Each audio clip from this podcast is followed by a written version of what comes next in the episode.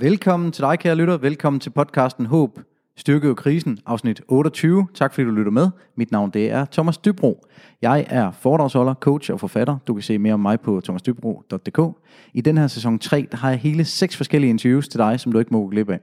Om lidt, der kan du høre mit interview med Henrik Højstrøm, som er partner i True North. Han fortæller om, hvordan man skaber engagement af unge mennesker, hvordan han udlever et meningsfuldt liv, og han deler en krise om at leve sammen med en kvinde, der lider af en bipolar, bipolar lidelse. Og de tanker og følelser og hvad det ellers har afstedkommet. Det har givet en masse udfordringer. Henrik han er super sej, så du kan godt glæde dig til det her afsnit. En lille anbefaling til dig herfra, udover at lytte til alle afsnit af den her podcast, det er, at på DR2, der kan du se en dokumentar, hvor jeg er med. Den har inspireret rigtig mange mennesker. Den hedder Syv ting, du skal vide, inden du dør. Du kan følge min Facebook-side, den hedder Thomas Dybro, Styrke ud af krisen. På siden der ligger der en masse frit tilgængelige videoer, som inspirerer til en mere empatisk og ligeværdig kommunikation. Min Instagram, den hedder thomas.dybro. Er du interesseret i foredrag, teamudvikling eller coaching med mig, så kan du tjekke info og referencer på thomasdybro.dk. Jeg er taknemmelig for, at du lytter med i dag. Del endelig den her podcast og vær med til at sprede de fantastiske budskaber, som mine gæster de her leverer. Men nu, mine damer og herrer, velkommen til endnu et drøn af et afsnit, nemlig nummer 28 af podcasten Håbet. Håb, styrket af krisen, med Henrik Højstrøm. God fornøjelse. Velkommen til dig som lytter, og velkommen til dagens gæst, som er Henrik Højstrøm, som er, øh, det kan jeg sige helt sikkert, det er den sjoveste mand, jeg kender. Og faktisk så, øh, så er han ikke bare sjov, han er også den mest kompetente til det, han arbejder med, til at arbejde med unge mennesker, til at facilitere og skabe optimale rammer i forhold til læring, i forhold til personlig udvikling. Jeg har lært ekstremt meget af dig, de gange, hvor jeg har set dig være på, og de gange, hvor vi har arbejdet sammen, lavet noget sammen, og vi har nogle gange skiftet til at lave nogle ting. Så det er, det er noget, jeg har set rigtig meget frem til det her. Det er fantastisk, at jeg lige har dig med i min øh, stue her i dag. Og så har du et øh, super ekstremt energiniveau. Det er lidt en høj bar at sætte lige nu. Det kan du godt se, det bliver svært. Men jeg tror ikke, det bliver svært, fordi jeg ved, at Henrik han, øh, han altid øh, er på, og øh, det smitter. Så det er super fedt at have dig med her. Og øh, ja, så nødt til at sige, Henrik han er sgu også sådan lidt vanvittig, men på den fede måde. Øh, så velkommen til, Henrik. Godt jo, tak. Fantastisk uh, intro. Jeg håber, jeg kan leve op til det. Det må jeg se. Altså, så du er øh, partner i True North nu? Det er jeg, og jeg er lige startet på det. Ja, men det er ikke helt fremmed for dig? Ej, det kan man ikke sige. Jeg har været med i True North i, øh, hvad bliver det, over 11 år nu, og, og har, har så, så, som du egentlig også lige indledt med, lavet øh, sindssygt mange ting hos uh, True North igennem årene, men som freelancer, kan man sige. Så jeg har lavet sådan plus 40 camps nu, øh, af sådan en uges varighed, hvor vi har 14-19 år inde i huset. Øh, 120 styks øh, arbejder med personlig udvikling i øh, fem dage i streg, og faktisk endnu mere korrekt at sige personligt lederskab for, for unge mennesker. Og det er mega fedt, og det er det, jeg laver nu. Så øh, det er altså fuldtid øh, partner i, øh, og, og er med til at udvikle og levere. Jeg, jeg har lige haft otte dage i streg, hvor jeg har lavet en øh, syv timers workshop syv dage ud af de otte, plus tre webinarer, så der har været fuld smæk på. Øh, til noget helt skilleret til sidst. Ja, det har været lidt, ikke? Og, og, og jeg tror faktisk, at for mig, der, der de første to uger, eller de første otte dage her, det, det var helt fænomenalt at tænke på, øh, hey, det er mit job det her. Øh, man, man bliver mega træt, når du har stået på scenen i syv timer i, i streg. Og når man bare giver den fuld gas fra øh, 7., 8. og 9. klasser, øh, der skal til eksamen, eller videre i livet, eller skal engageres, eller motiveres, eller mm, finde ud af, hvad fanden de går og drømmer om, så er jeg helt smadret bagefter. Men så kommer jeg til at tænke på det her. Jeg er ikke fodboldspiller. Jeg er virkelig dårlig til at spille fodbold. Jeg kan godt stå på mål, sådan okay. Men jeg vir- ellers er jeg virkelig dårlig til fodbold men jeg får lov til at gøre det, en fodboldspiller gør, og det er at arbejde med det, jeg brænder mest hardcore for, men man er stadigvæk træt efter kamp. Altså, så, så nu, nu, nu er der EM, og jeg tænker, selv de store fodboldspillere, de må stå der og synes, at det er mega fantastisk at skal spille de kampe. Øhm, men de bliver også træt, når de er gået i forlænget spilletid og straffesmagt konkurrence, og tænker bare, shit, vi skal spille igen i overmorgen. Øhm, og sådan har jeg det også. Altså, jeg, jeg, jeg bliver træt, men jeg er meget, meget øh, lykkelig, når jeg bliver træt, træt på den der måde, øh, hvor man er meget glad bagefter. Og hvor man har brugt sig selv max, og man ja, sidder i bilen på vej hjem og hører Gigi Agostino få fuld damp og bare har en fed følelse. Ja, ja, og faktisk nogle gange, så, så kan jeg godt mærke, at jeg når sådan at crashe. Øh, så, og, og det er jo selvfølgelig snyd, ikke? Og, og jeg synes jo ikke, at det er noget, jeg skal anbefale, men så har jeg kø, købt lige en Red Bull til vejen hjem, simpelthen for ikke at falde i søvn i bilen. Fordi, ja. øh, fordi jeg synes nem, nemlig det der med, at man makser ud, og så efter kampen, så har man jo bare lyst til at lægge sig til at sove. Jamen altså, jeg ved, du går all in, og du er all out, når ja. du er på, så du er, øh, så det, det vil jeg sige, det er okay. ja. Øhm, og du er også en, der bare kører på med for fulde gardiner, så det, men det kommer til at folde ud lige om lidt. Øh, hvad, kan du ikke lige selv sætte lidt ord, flere ord på i forhold til sådan karrieremæssigt? Altså der har du, øh, der er med sket meget de sidste 10 år. Ja, okay, okay. Øh, ja, og, og, og, jeg tror også, hvis, hvis man så mit øh, CV, så ville man også tænke, det, det er en restløs sjæl. Øh, men, men der er nogle ting, jeg har gjort fast, og det er at undervise inde på universitetet. Det har jeg gjort nu også i, øh, i 11-12 år øh, i øh, projektledelse på statskundskab og sociologi. Det er et praksisorienteret fag i en meget akademisk verden. Øh, så det har jeg gjort. Og så har jeg selvfølgelig lavet min camps, men ellers så har jeg faktisk primært koncentreret mig om at arbejde i øh, undervisning og uddannelsesverden. Så jeg har været leder på en skole i, øh, igennem mange år, to forskellige skoler. Øh, og her for nylig, inden jeg skiftede til True North, øh, der nåede jeg at lave, øh, kunne man godt kalde uh, kometkarriere i, uh, i Niels Brock, startede som viserektor, og så lige pludselig så fik jeg altså kastet uh, ekstra chefposter i hovedet og løste de opgaver, indtil jeg blev forfremmet som direktør. Og så nåede jeg at være direktør i, i hvad, uh, en måned, og så, så snakkede jeg med, med, med ejerkredsen i True North, og, og selvom jeg synes, det andet var mega spændende, og, og, og sådan noget, så, så var der ikke, der var ikke rigtig noget, øh, der var ikke noget nej til det spørgsmål. Jeg blev nødt til at kaste mig ud i og kunne få lov til at bruge mit liv fuldtid på at, at rende rundt med True North. Men ellers vild det, timing, det lige skulle være der, hvor du lige var... Ja, det, det, det, det var det, og, og jeg måtte også øh, sådan lige, hey, øh, man når også lige at skal besøge sin forfængelighed, når man lige tænker, hey, det der med direktør, det lyder da meget godt. Men nu er det heller ikke, fordi at partner lyder grimt, vel? så, så, så, men, men, men, men jeg vidste bare, hvad er det, jeg vil fylde mit døgn med? Hvor, hvor jeg tænkte, jeg ved, hvor vanvittigt jeg har det, når jeg er på, på camp og er hos uh, True North. Uh, så tænkte jeg bare, wow, det kan du fylde hver dag med. Så, så det var ligesom det. Og så har jeg uh, en fortid i militæret, det efterhånden mange år siden. Uh, som, hvor, hvor jeg fejrede at blive færdig med gymnasiet med at bare lave noget andet end at sidde på skolebænken. Og det må man sige, det var militæret. Så øh, har en sergeant øh, uddannelse derfra, og tog den øh, til, til udsendelse i Kosovo også. Så det tror jeg sådan, er den store øh, indflyvning til, til, til mit CV. Sådan, jo, okay, der er en sidste ting. Det er, det er ikke så skide relevant, men, men øh, jeg har anmeldt computerspil igennem mange år. Oh, yes. fordi jeg elsker at spille computerspil. Du har en øh, ekstrem nørdet side også. ja, det er korrekt, det er korrekt. øhm, Okay, og hvad med, udover det, hvem er det så, jeg har siddende her i stuen i dag? Hvem er Henrik?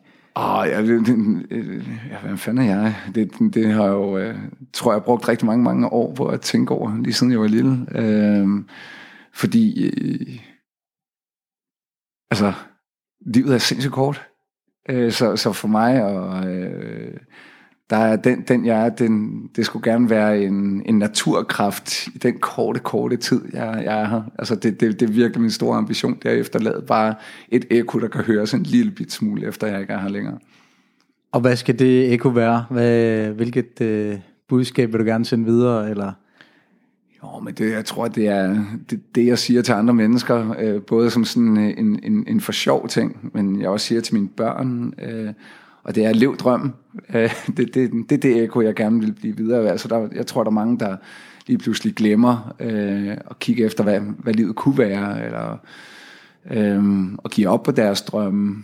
Og, og nu har jeg netop beskæftiget mig med, med særligt unge mennesker, og jeg synes, det, det er i hvert fald for tidligt at, at give op på dem. Og det er jo ikke sikkert, at den, den drøm, man har til at starte med, også er den, man slutter med. Men, Øh, det er sgu både det store og det små. Det er, hvem er de mennesker, man, man omgiver sig med. Lev drømmen behøver ikke nødvendigvis øh, at skulle være, altså så, så er du statsminister, eller også så spiller du i Champions League som fodboldspiller. Det, det er ikke det, det handler om.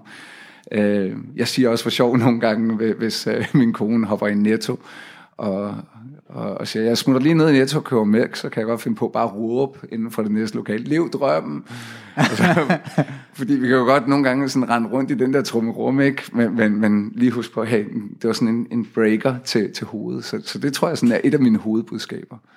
Og husk det midt i rotteræset, når man, øh, hvor det helt, når indimellem så kører det hele også bare derud af, at man glemmer lige at leve lidt. Og... Ja, det, og, og det duer ikke til, men til gengæld så er jeg også god til at leve i det små. Altså, øh, det, det er ikke sådan, at jeg sidder og tænker, ej, hvor ærgerligt, nu sidder jeg og ser Netflix.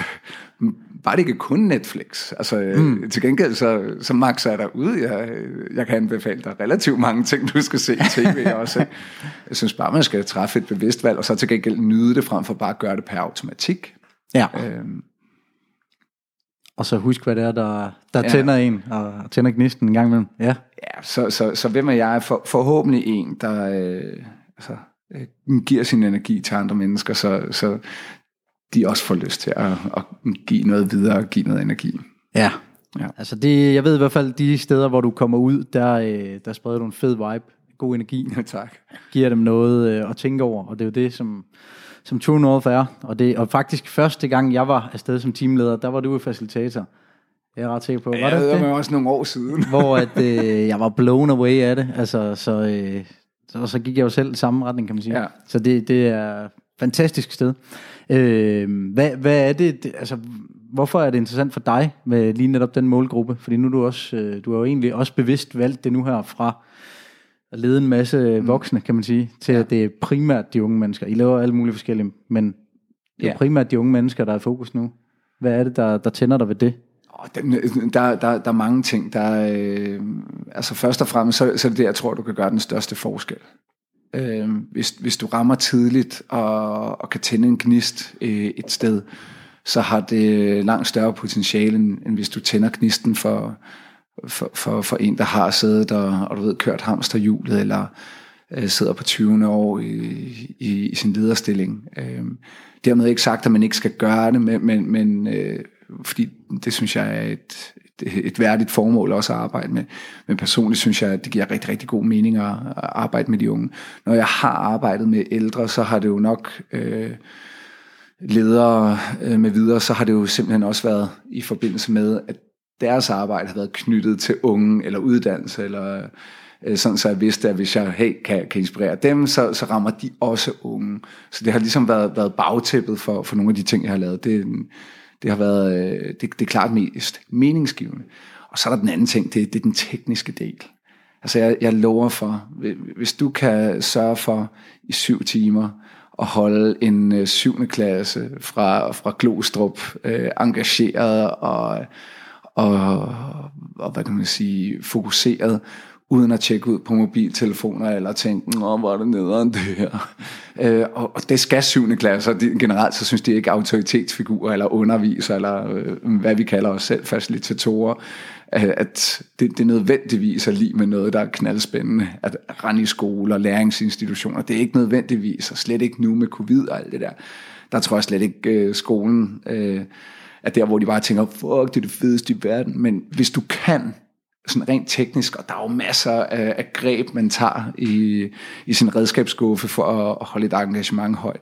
Hvis man kan det, så, man, så er der mange ting, man kan. Jeg kan ikke være med at sammenligne det lidt med Karate Kid. øh, og, og, nej, faktisk er det mere Mr. Miyagi, fordi han sidder og fortæller Karate Kid, øh, kigger ham i øjnene og siger, hey, hvis du kan fange en flue med to spisepinde, så kan du alt. og så sidder Karate Kid bare, så han fanger to fluer. Men, fordi, altså normalt så er det skide svært. Det er bare en komisk scene, men, men, men det der med, hvis du kan holde en syvende klasse, eller endnu bedre, en fjerde klasse, fokuseret i så lang tid, og holde dem engageret, og sådan, så de har lært noget bagefter, de kommer hjem og siger, hey, i dag var en fed dag, og vi lærte det her. Øhm, så, øh, så ved jeg også, at jeg har makset ud på mine kompetencer og mine evner, det er langt nemmere for mig at undervise inde på universitetet. Øhm, og der kan jeg være skidekedelig, og, og folk vil stadigvæk lytte øh, og, og tjekke ud. Det, det lever fuldt ud op til forventningen. øh, der kan være rigtig ked. Nej, jeg er ikke rigtig Der er en anden udfordring i det, i at vende den øh, forventning, der er til sådan en dag. Og, og give dem en dag, der er røv og torpedo, som de slet ikke kan regne med, måske. Ja, præcis. Ja. Og jeg er jo stadigvæk øh, voksen, øh, og nu, nu var der nogen, der, hvad hedder det her forleden, så var jeg ude på Skovs Hovedskole, og så havde jeg taget jakkesæt og slips på. Bare for sjov. Og så lavede jeg stadigvæk mit show, som jeg plejer at, at, at lave det. Så havde jeg tre 9. klasser i 90 minutter hver, hvor, hvor det var sådan med fokus på eksamen og præstation. Og der tror jeg, når, når man så ser, at der kommer en fyr ind, stille og roligt, de øh, jakken, slipset sidder rigtigt, slipsenål på og sådan noget, ikke? så tænker de, gosh, hvor bliver det kedeligt. Og jeg havde bare gjort det, fordi jeg tænkte, så skal de bare lige pludselig nå at have de der første 5-10 minutter, hvor de tænker, ja, det, han ligner ikke det. og det var bare sådan en dag, jeg tænkte, hehe. det, var, det var nok lige så meget sjovt for mig. En øh, ny måde at øh, fuck op med integritet på. jo, jo, men, men det var også, øh, ja, det er bare en ting, men, men, men jeg kan godt lide teknikken i at engagere en gruppe mennesker. Øh. Men du er også, altså det er jo sådan noget, vi andre snakker om, når vi har lavet camps. Altså du er ekstremt nørdet i forhold til at kan styre hele den her flok, altså de her 120-140 campers, mm. hvordan du bygger et bestemt set op af musik, nogle helt bestemte musiknumre, øh, der starter et helt bestemt sted, slutter et helt bestemt sted, så er du sådan, okay, nu er de deroppe, nu er de oppe på en 3 og ude af 10, og så, du, så kommer den her på, og så kommer Ødeø, og så bang, og så smask, så er de oppe på 580 lige med ikke? Altså, det er fedt. Ja, altså, og, det er jo... og, og det er bare for at sige, det, det er et af grebene, øh, som, som jeg har nyt og, og nørdet meget igennem de sidste par år. Det er, når man underviser, det er altid svært, når jeg er ude med mig selv, men, men så har jeg min computer stående sådan med siden til, sådan, så jeg kan, kan, kan styre musikken, og så har jeg nogle, som du siger, nogle meget, meget faste spillister, som jeg ved kører hvor, og, og ved, øh, har en ret god idé om, hvordan rammer målgruppen. Og det betyder bare, at du bliver stimuleret på en anden måde.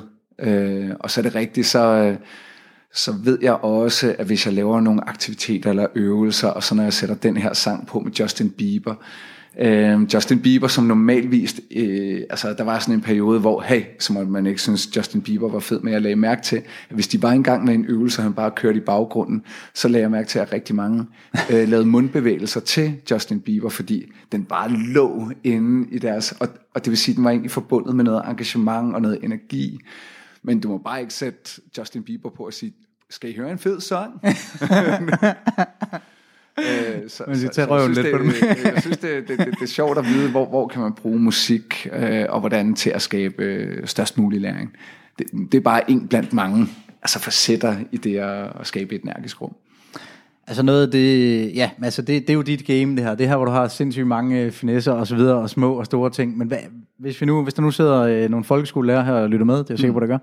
Kunne du give nogle råd til, hvordan øh, kan man skabe noget anderledes engagement, end, end det, de måske lige forventer, det de er vant til, og hvordan kan man skrue lidt og skrue på nogle knapper? Øh, altså, uden at man skal lave et eller andet helt sindssygt show. Jeg, jeg synes ikke, man, man behøver at, at gøre noget fuldstændig sindssygt. Øh, noget sindssygt i mine øjne kan, kan sådan set øh, bare være at ture og dele af dig selv. Øh, og ture og dele af dig selv er øh, også at ture og, og sige, her begik jeg en fejl, eller her var en ting, jeg gjorde. Altså sørge for at have sig selv med og, og kan sige, jeg ved sgu godt, at, at tyske verber kan være øh, kedelige, men øh, her er et sted, hvor jeg har brugt øh, sproget til at skabe relationer, altså hvor, hvor man kan mærke, at det her det er for real, jeg bliver ikke talt ned til, øh, jeg bruger mig selv. Øh, det er jo også noget af det, jeg gør, når jeg er ude, så, så deler jeg ærlige og oprigtige historier øh, fra, fra mit eget liv. Øh, jeg ved også godt, at, at der, der, der er nogle lærere, som, som siger det der med, øh, men jeg skal ikke være venner med mine elever. Nej, men hvis du var, så ville du kunne lære dem mere. Altså fordi det, det vil være et udtryk for, hvor stærk en relation. Jeg, jeg tror godt, du kan have en venskabelig relation. Øh, miskonceptet opstår i den forstand, at ja, du skal stadigvæk styre et rum som en klasserumsleder. Du, du kan sagtens være en, en ven, øh, som har det ansvar at sørge for, at vi, vi hører alle, og vi venter på tur, og det er mig, der, der styrer, hvad for nogle aktiviteter vi skal lave. Men jeg tror simpelthen, at børn og unge de vil lære meget mere, hvis du næsten er over i, at din relation til, til børnene er venskabelig. Øh, og der tror jeg, der er nogen, der er sådan, uh, det, så er det ikke professionelt. Tværtimod, jeg synes, det er mega professionelt at arbejde så skarpt med din relation til børn og unge, at de oplever dig som en af deres venner. Øh, så vil de også have meget mere lyst til at, at lytte til dig. De vil have mindre lyst til at krasse på relationen. Øh, I tilfælde af, at de skal sidde der og overveje, hey, jeg kunne sige en smart bemærkning nu, for lige at få noget opmærksomhed fra mit crowd, fra mit team. Øh, men gør jeg det, så riser jeg på, øh, på min relation til læreren. Det har jeg ikke lyst til, fordi læreren er så fucking fed. Øh, så der vil jeg altid starte. Og der, der er mange måder at gøre det på, og, og derfor så tror jeg også, at nogle af, noget af det, som folk oplever mig, det er, at, at jeg har en relativt stor villighed til at, at dele mine historier. Og hvis jeg så skulle give en, et, et trick mere, ud over, hvad kan man sige, finde ud af, hvordan kan jeg investere i relationen, så, så skulle den anden være, øh, hvad jeg kalder rutsjebanen i Tivoli. Og det er, øh, at du uden at miste folks fokus, kan gå fra det lette, fra det sjove, øh, det, det lejende, det nysgerrige, til det dybt seriøse og autentiske, og, og øh, altså på et øjeblik, uden at det føles for anmasende. At de kan mærke, hey, hey nu har vi lige øh, lavet det her, der bare var altså, næsten som at, at drikke champagne, men nu sætter vi os ned, og så drikker vi en god kop te. Altså den, den forskel i, øh, i, hvad kan man sige, energier, at kunne øh, facilitere fra høj til utrolig fokuseret på meget kort tid. Øh, det er i hvert fald noget, jeg har, jeg har trænet meget, og, og faktisk vil, vil sige, når jeg skal virkelig klappe mig selv på skuldrene, er en form for kunst. Øh, altså kunne gå fra en intens historie til, hey, nu skal vi lave sjov, øh, uden at, at man er så øh, skubbet ud af din storytelling, at, at du ikke kan deltage i det sjov. Mm. Og det, og man kan sige, nu har du lavet det ja, nærmest fuldtid i mange tid, i lang tid, øh, mange år osv., øhm, og vi er jo også blevet trænet til det som facilitator, mm. kan man mm. sige. Men udover det, så er det noget, ligesom alt muligt andet. Man kan blive bedre til det, hvis man bare øver ja. det, og så har det mindset, at man vil gå i gang med det. Ja. Så, så super fed inspiration i hvert fald. Det handler jo meget om, at man er villig og åben over for at ture og stå lidt på gyngende grund også. Og nogle gange så fucker man jo op, når man så prøver at gøre sådan noget ja. der. Så det skal man være villig til. Men det er magisk, når det kan ske, jo, og, når det lykkes. Og, og, og pointen er, at jeg har selv oplevet det magisk. Altså, jeg, jeg havde en, øh, en underviser, lærer på min skole, øh, Peter hed han, øh, tysker historielærer, men han var også skolens skaktræner. Øh, og han havde det der, øh, han lavede ikke sådan noget gag og, og sådan nogle øvelser, som, som øh, det vi, vi laver, når vi er på True North. Han gjorde noget andet, og det var, at han, han talte ikke ned til os børn. Han tog os dybt seriøst. Han øh, fortalte ærlige og oprigtige historier, uden at, hvad kan man sige, at skulle øh, børne det. Altså, øh, og, og, og, derudover så, så var han bare, han, han havde et nærvær og en tilstedeværelse, og en villighed til også at være der, selv når han havde pause eller frikvarter, selv når han ikke skulle. Og det tror jeg, det var nok til, at, at vi tænkte, hey, du tager mig seriøst du er her også, selvom du ikke skal være Det er jo det, venner gør.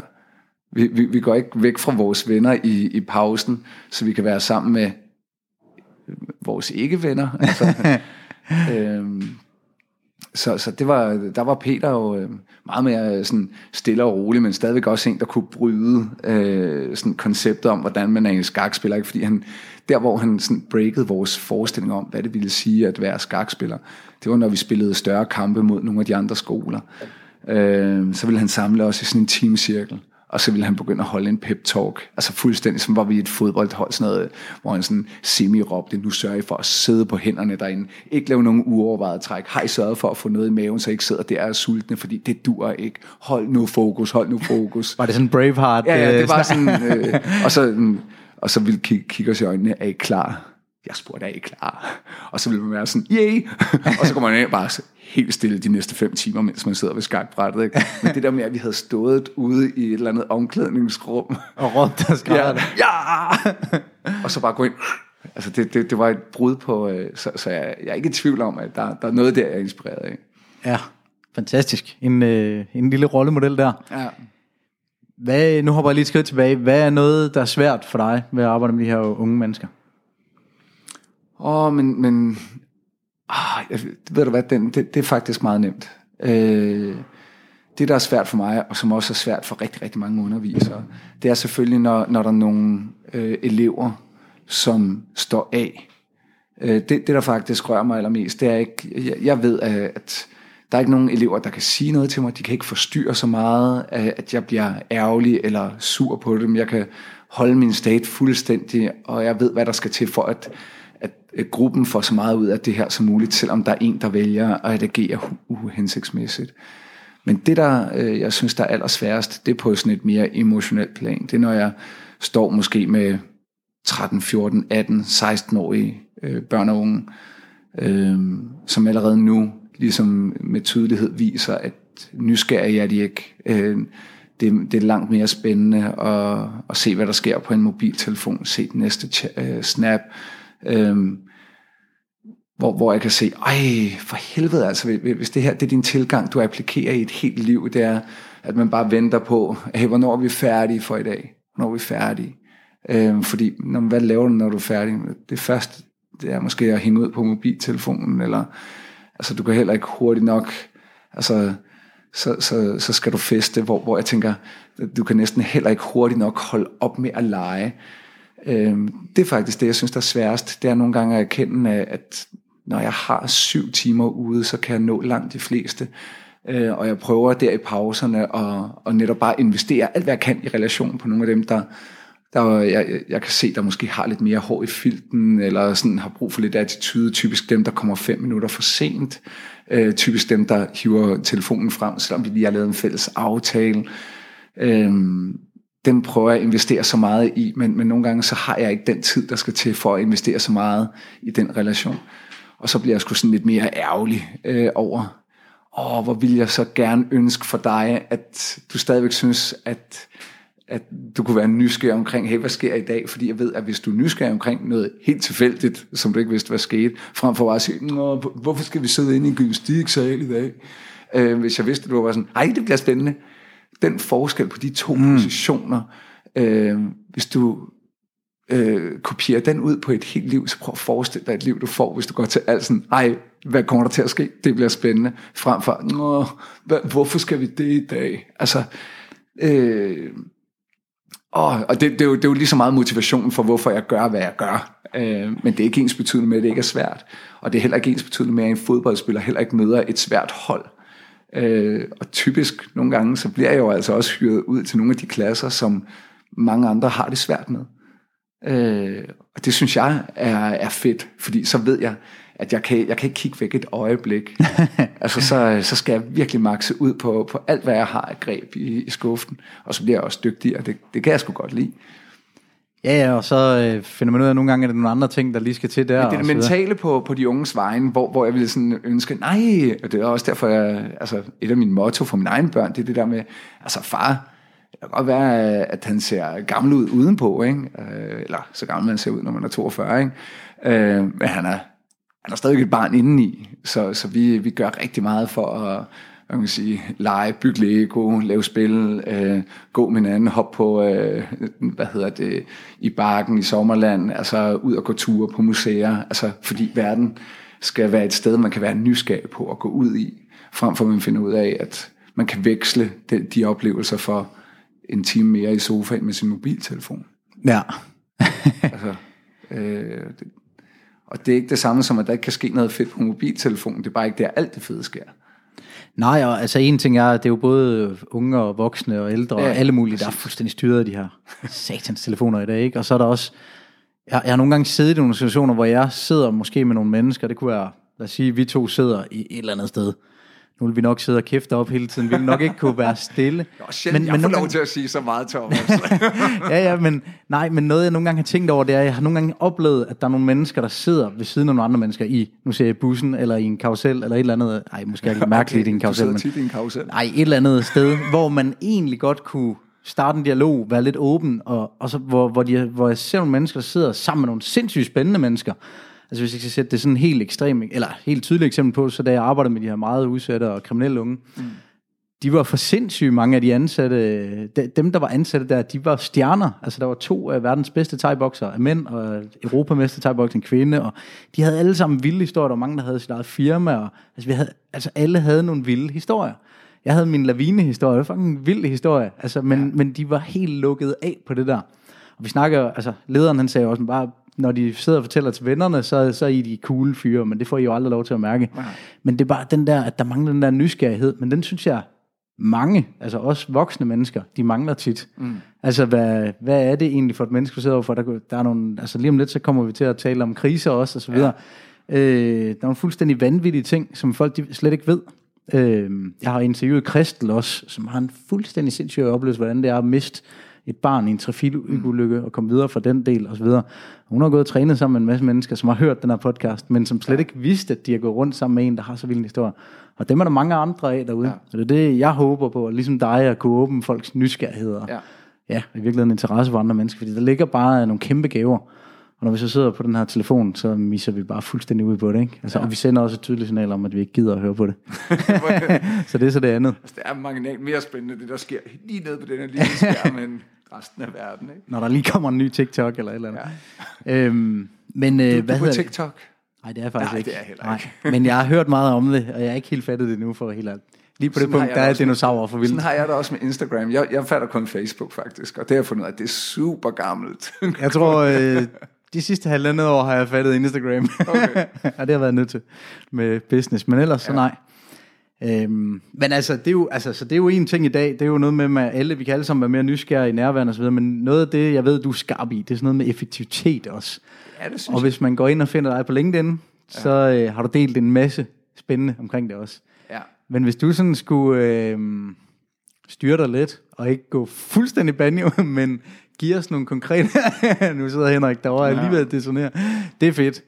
Men hvis du sådan skulle give noget, øh, noget til lytter, hvordan kan man det også... Altså, jeg udfordrer jo bare dig, når du sidder her. Du, øh, så øh, Først og fremmest, så, så tror jeg, i, i forhold til, til, til det med effektivitet, det, det er en ting, jeg synes er, er pisse spændende. Og, og præmissen, det er, øh, at altså, livet er sindssygt kort.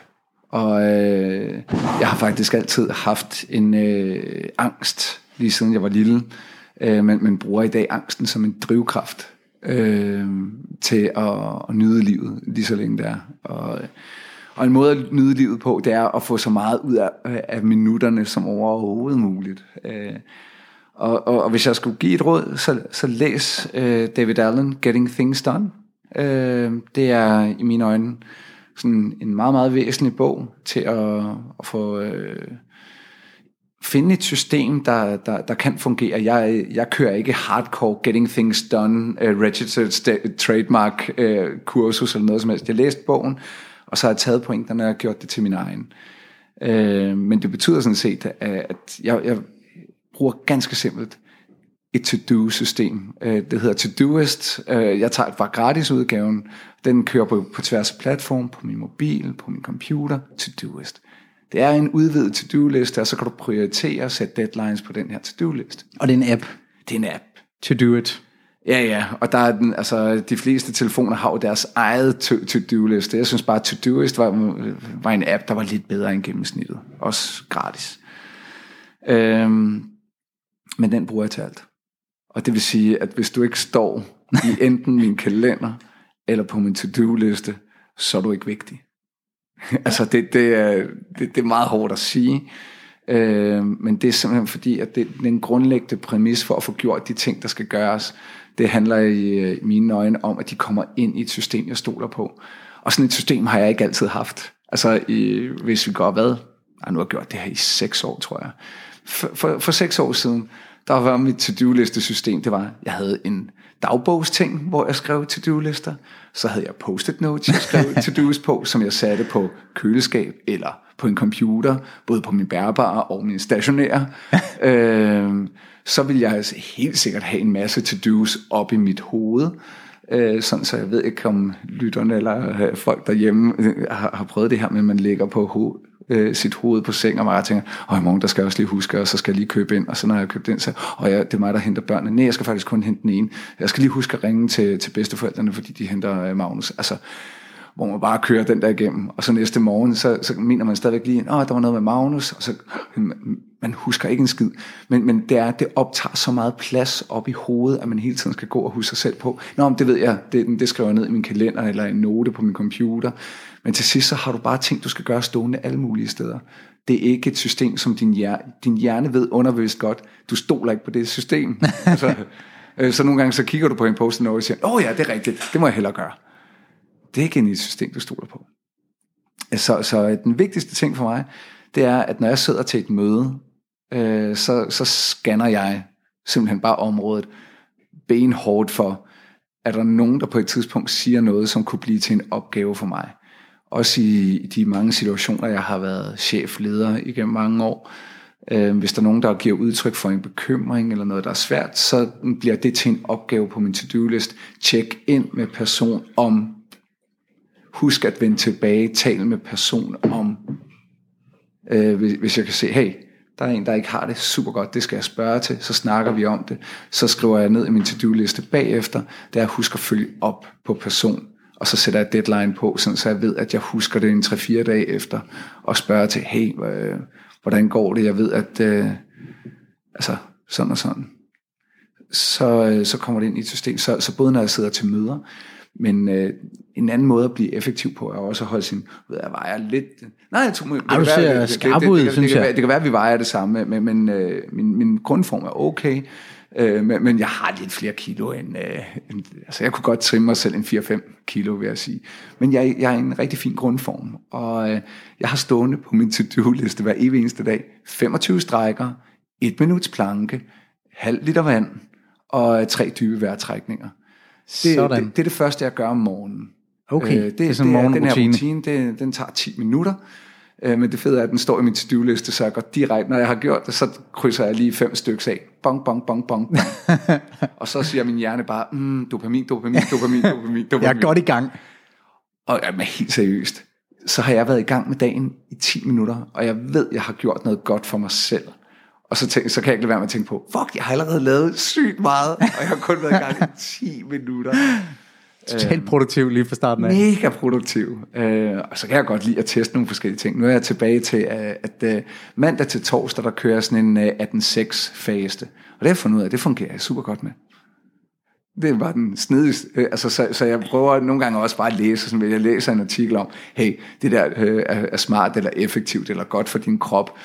Øh, så måler jeg det hele tiden op i øh, godt i forhold til, til, til hvad, og øh, investeret tid. Så det vil jeg sige, to-do-liste system, få det ind i et system, som, som du tror på. Det dur ikke at downloade den der app, hvis du ikke bruger den. Det er ekstremt vigtigt.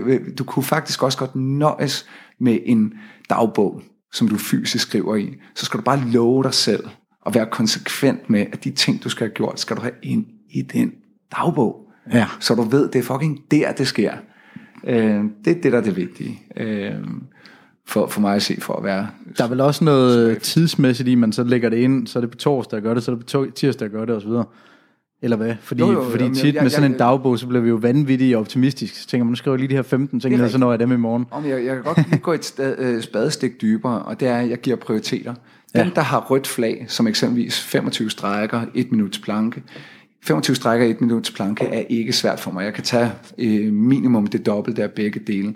Men det, der er vigtigt, det er, at det er noget nemt, som jeg, min hjerne ikke skal begynde at udfordre mig på om morgenen. Så det, det her kan jeg gøre uden problemer. Øh, men jeg ved, det stadig er godt for mig. Men de står som røde, det vil sige, de ufravigelige. Så har jeg derefter, der har jeg et system med enten nogen, der er blanke, det vil sige, de kan rykkes uden problemer. Gule kan rykkes, men skal nødig rykkes. Blå altså kan også rykkes, men må hellere blive rykket end en gul. Og, og blanke, altså hvis jeg når de blanke på en dag, altså så er vi bonus. Men jeg besøger jo min to-do-liste øh, typisk om aftenen øh, for, som klargøring til næste dag. Så ved jeg nogenlunde, hvad, hvad jeg har, øh, og, og hvornår jeg egentlig er tilfreds med min præstation. Øhm, og typisk så overgår jeg sgu mine egne forventninger, ikke? det er Sådan. meget, meget vigtigt. Øhm, og det, det gør mig glad, og jeg tænker, okay, jeg ved, jeg er glad, hvis jeg når alle de røde. Øh, uanset hvad. Og så, øh, hvis jeg så ovenikøbet kan banke nogle flere ind, eller nogle, jeg finder på i løbet af dagen. Øh, fordi de rører jo så ind i sådan ligesom en indbakke i det her system, og så skal de jo prioritere senere med enten deadlines, øh, sådan så jeg ved, okay, de skal være færdige på det her tidspunkt, men det kunne være fedt at få det gjort i dag. Øh, så jeg kører med et farvesystem og et deadline-system derudover. Øh, men men den, hvis jeg bare skulle korte det ind til det vigtigste, så er det bare at have det samlet et sted. Så kan du altid begynde at nørde med deadlines og øh, små Farver flag og farver og sådan noget. Ja. Øh, bare vigtigt, at din hjerne ved, at det, det er der, du har det. Øh, det, det. Det vil jeg sige var, var sindssygt vigtigt på effektivitet.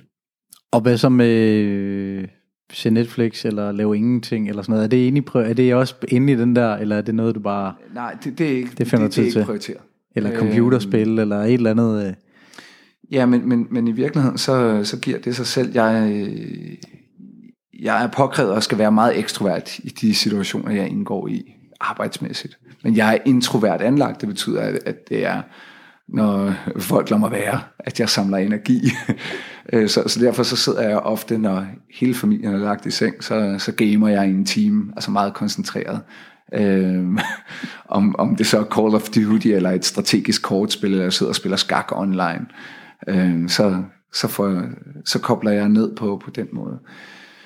Men der er øh, en ting af det system, men jeg ved også godt, hvordan jeg prioriterer i mit liv. Og det betyder, at jeg har kun og kun to prioriteter i mit liv. Og det er min familie, og det er mit arbejde. Og øh, det betyder jo ikke, at jeg ikke har venner, øh, men, men, men det betyder, at det er enormt vigtigt for mig, at mit arbejde er meningsgivende, fordi det, det er de to vigtigste prioriteter, jeg har. Og øh, altså, nu er jeg ene forsørger så, øh, for, for min familie, så derfor så, øh, altså, så, så arbejdet vigtigt, og jeg skal arbejde, øh, men, men det skal fandme ske med, med noget, jeg godt kan lide. Men hvis jeg er i tvivl om, hvad jeg skal en dag, jeg har sagt, øh, og ikke fordi jeg ikke kan lide folk, men jeg, jeg siger raskvægt nej til en sommerfest eller en 40-års fødselsdag, hvis min knægt han spiller fodboldkamp. Øh, så, så rykker jeg altså rigtig mange ting rundt, selvom det, det kunne have været fedt at være med. Øh, og, og så, så, så jeg er meget, meget tydelig omkring, hvad jeg prioriterer. Jeg, jeg misser ikke særlig meget af, af det, jeg gerne vil med, med, med, med børnene og, og, og sådan nogle ting. Så familien number one. Ja. Familien number one, og, og arbejdet er nummer to. Og det gør også, at jeg synes, det er helt fedt. Det er også derfor, du og jeg kigger øh, serien an. Altså, vi er på camp, når vi arbejder sammen. Jeg synes, du er den fedeste øh, altså, menneske at være sammen med. Og jeg elsker, når vi har syv dage sammen. Hvis vi kigger bare på en enkelt camp, når du og jeg vi har været afsted, så er det jo mere tid, end jeg bruger altså selv med mine gode venner over et år. Altså det er det bare. Og det vil sige, øh, at, øh, så, så, plus øh, at så kan det godt være, at vi arbejder, og vi kolleger, men jeg får en ekstrem glæde af at se dig på scenen. Øh, og jeg ved ovenikøbet, selvom jeg har hørt din historie, så, så sidder jeg næsten altså fuldstændig som, hvis de genudsender Star Wars eller Matador, så er det bare sådan, nu skal jeg bare have lov til at se Thomas. Øhm, for det første, så, så nyder jeg at se dig, men, men jeg, jeg, jeg, bliver, jeg føler mig også ekstremt privilegeret. Jeg kan få lov til at arbejde, samtidig med, at det sted, jeg arbejder, også er mine venner. Så hvis, når jeg nogle gange kan lave de der koblinger, og så på den måde, øh, så, så er der rigtig mange af de folk, jeg har arbejdet med igennem tiden, som jeg også altså, ser øh, i en stærk venskabelig relation. Så går det op i en højere enhed. Ja. Det er dejligt, og så er det effektivt når, når, når så, så, så har jeg sådan ligesom været en, en, en to-tre venner, nok max derudover, som, som, øh, som jeg ser. Og det er også nogle, nogle kammerater, som selv er, er mega travle. Øh, så så vi, vi har sådan en forståelse for, jamen altså, øh, kunne det ikke være fedt at ses i aften? Nej, Albert spiller fodboldkamp. Og det er jo selvom det bare er, du ved, række tre kamp nummer syv, øh, og, og de ligger flot i ligaen. Altså, det, det, det går jeg ikke glip af. Øh, skal med meget til. Ja. Øh, og det samme, hvis Carla øh, skulle danse en ting. Ikke? Så, så den der at have, have de overordnede prioriteter på plads, vil jeg sige, er også en stor hjælper i forhold til at være effektiv og træffe effektive beslutninger. Det gør det meget nemmere at træffe meget, beslutninger. Meget nemmere, ja, ja. Og det synes jeg er topinspirerende. øh, fantastisk. Okay, jamen øh, så lad os øh, lave et lille sceneskift, eller hvad man skal kalde det. Lad os hoppe over i øh, det her med at dele en krise, fordi det, du var allerede lige øh, inde på noget, altså det, ja, øh, så det er egentlig op til dig, hvad du vil dele. Men, Jamen, øh, jeg, altså, jeg, jeg gjorde det inden, øh, at jeg tog herover. Det var, jeg, jeg snakkede med min kone og spurgte, om det var okay. Øh, fordi det, det, det hænger meget sammen med, med Nana, min kone. Hun har det, det der hedder bipolar lidelse. Øh, det man i gamle dage kaldte maniodepressiv. Øh, det er selvfølgelig det er efterhånden mange år siden, at det ligesom kom, kom i, i udbrud, og øh, vi, vi blev klar over det. Øh, men, men, men det kom efter en periode, hvor øh, vi var lige blevet færdige på universitetet. Jeg havde fået job. Nana havde fået job. Vi havde, øh, vi havde to børn. Øh, vi havde vores lejlighed på Frederiksberg. Alt kørte principielt set på papiret. Alt burde være okay nu. Vi havde været igennem en længere periode, hvor det er selvfølgelig hårdt at flytte, og min mor var død, og øh, have børn samtidig med, at man er færdiggør sine specialer, og så skal ud på arbejdsmarkedet. Så der havde altid øh, været noget, vi skulle forholde os til. Men nu, nu var alt ligesom på plads. Nu burde alt bare være smooth sailing. Men det var det ikke. Øh, og Nana fik det på et tidspunkt værre og værre og værre. Og vi kunne ikke, vi kunne ligesom ikke hægte op på noget, oh, men det er også fordi, det har været en stressende periode, fordi øh, din mor er lige død, eller, eller min mor var lige død. Øh. Nu var der ikke længere noget at hægte det op på, og Nana fik det værre og værre. Og så på et tidspunkt, så har jeg været ude på det her tidspunkt, der, der rendte jeg rundt ude på nogle skoler på Nørrebro for at undervise i skak i nogle klasser, der var pænt øh, udfordret. Øh, og så ringer jeg efter sådan en dag til, til Nana, og skal jeg høre, at hun er helt, øh, altså næsten væk i grådet til at kunne komme igennem.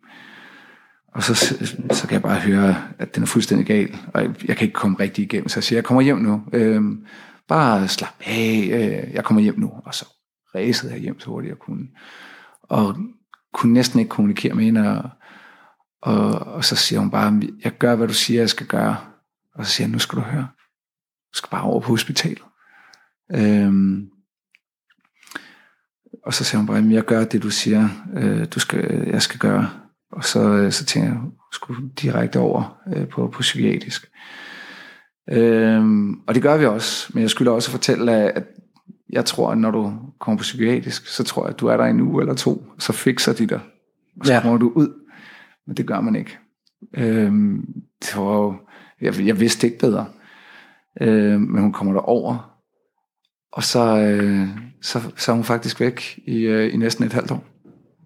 Øh, der, der er hun indlagt, og, og til at starte med, altså hele tiden, og så bliver der ligesom løsnet op for, at hun kan lige komme lidt hjem i weekenderne, da der er, er gået noget tid og gået nogle måneder.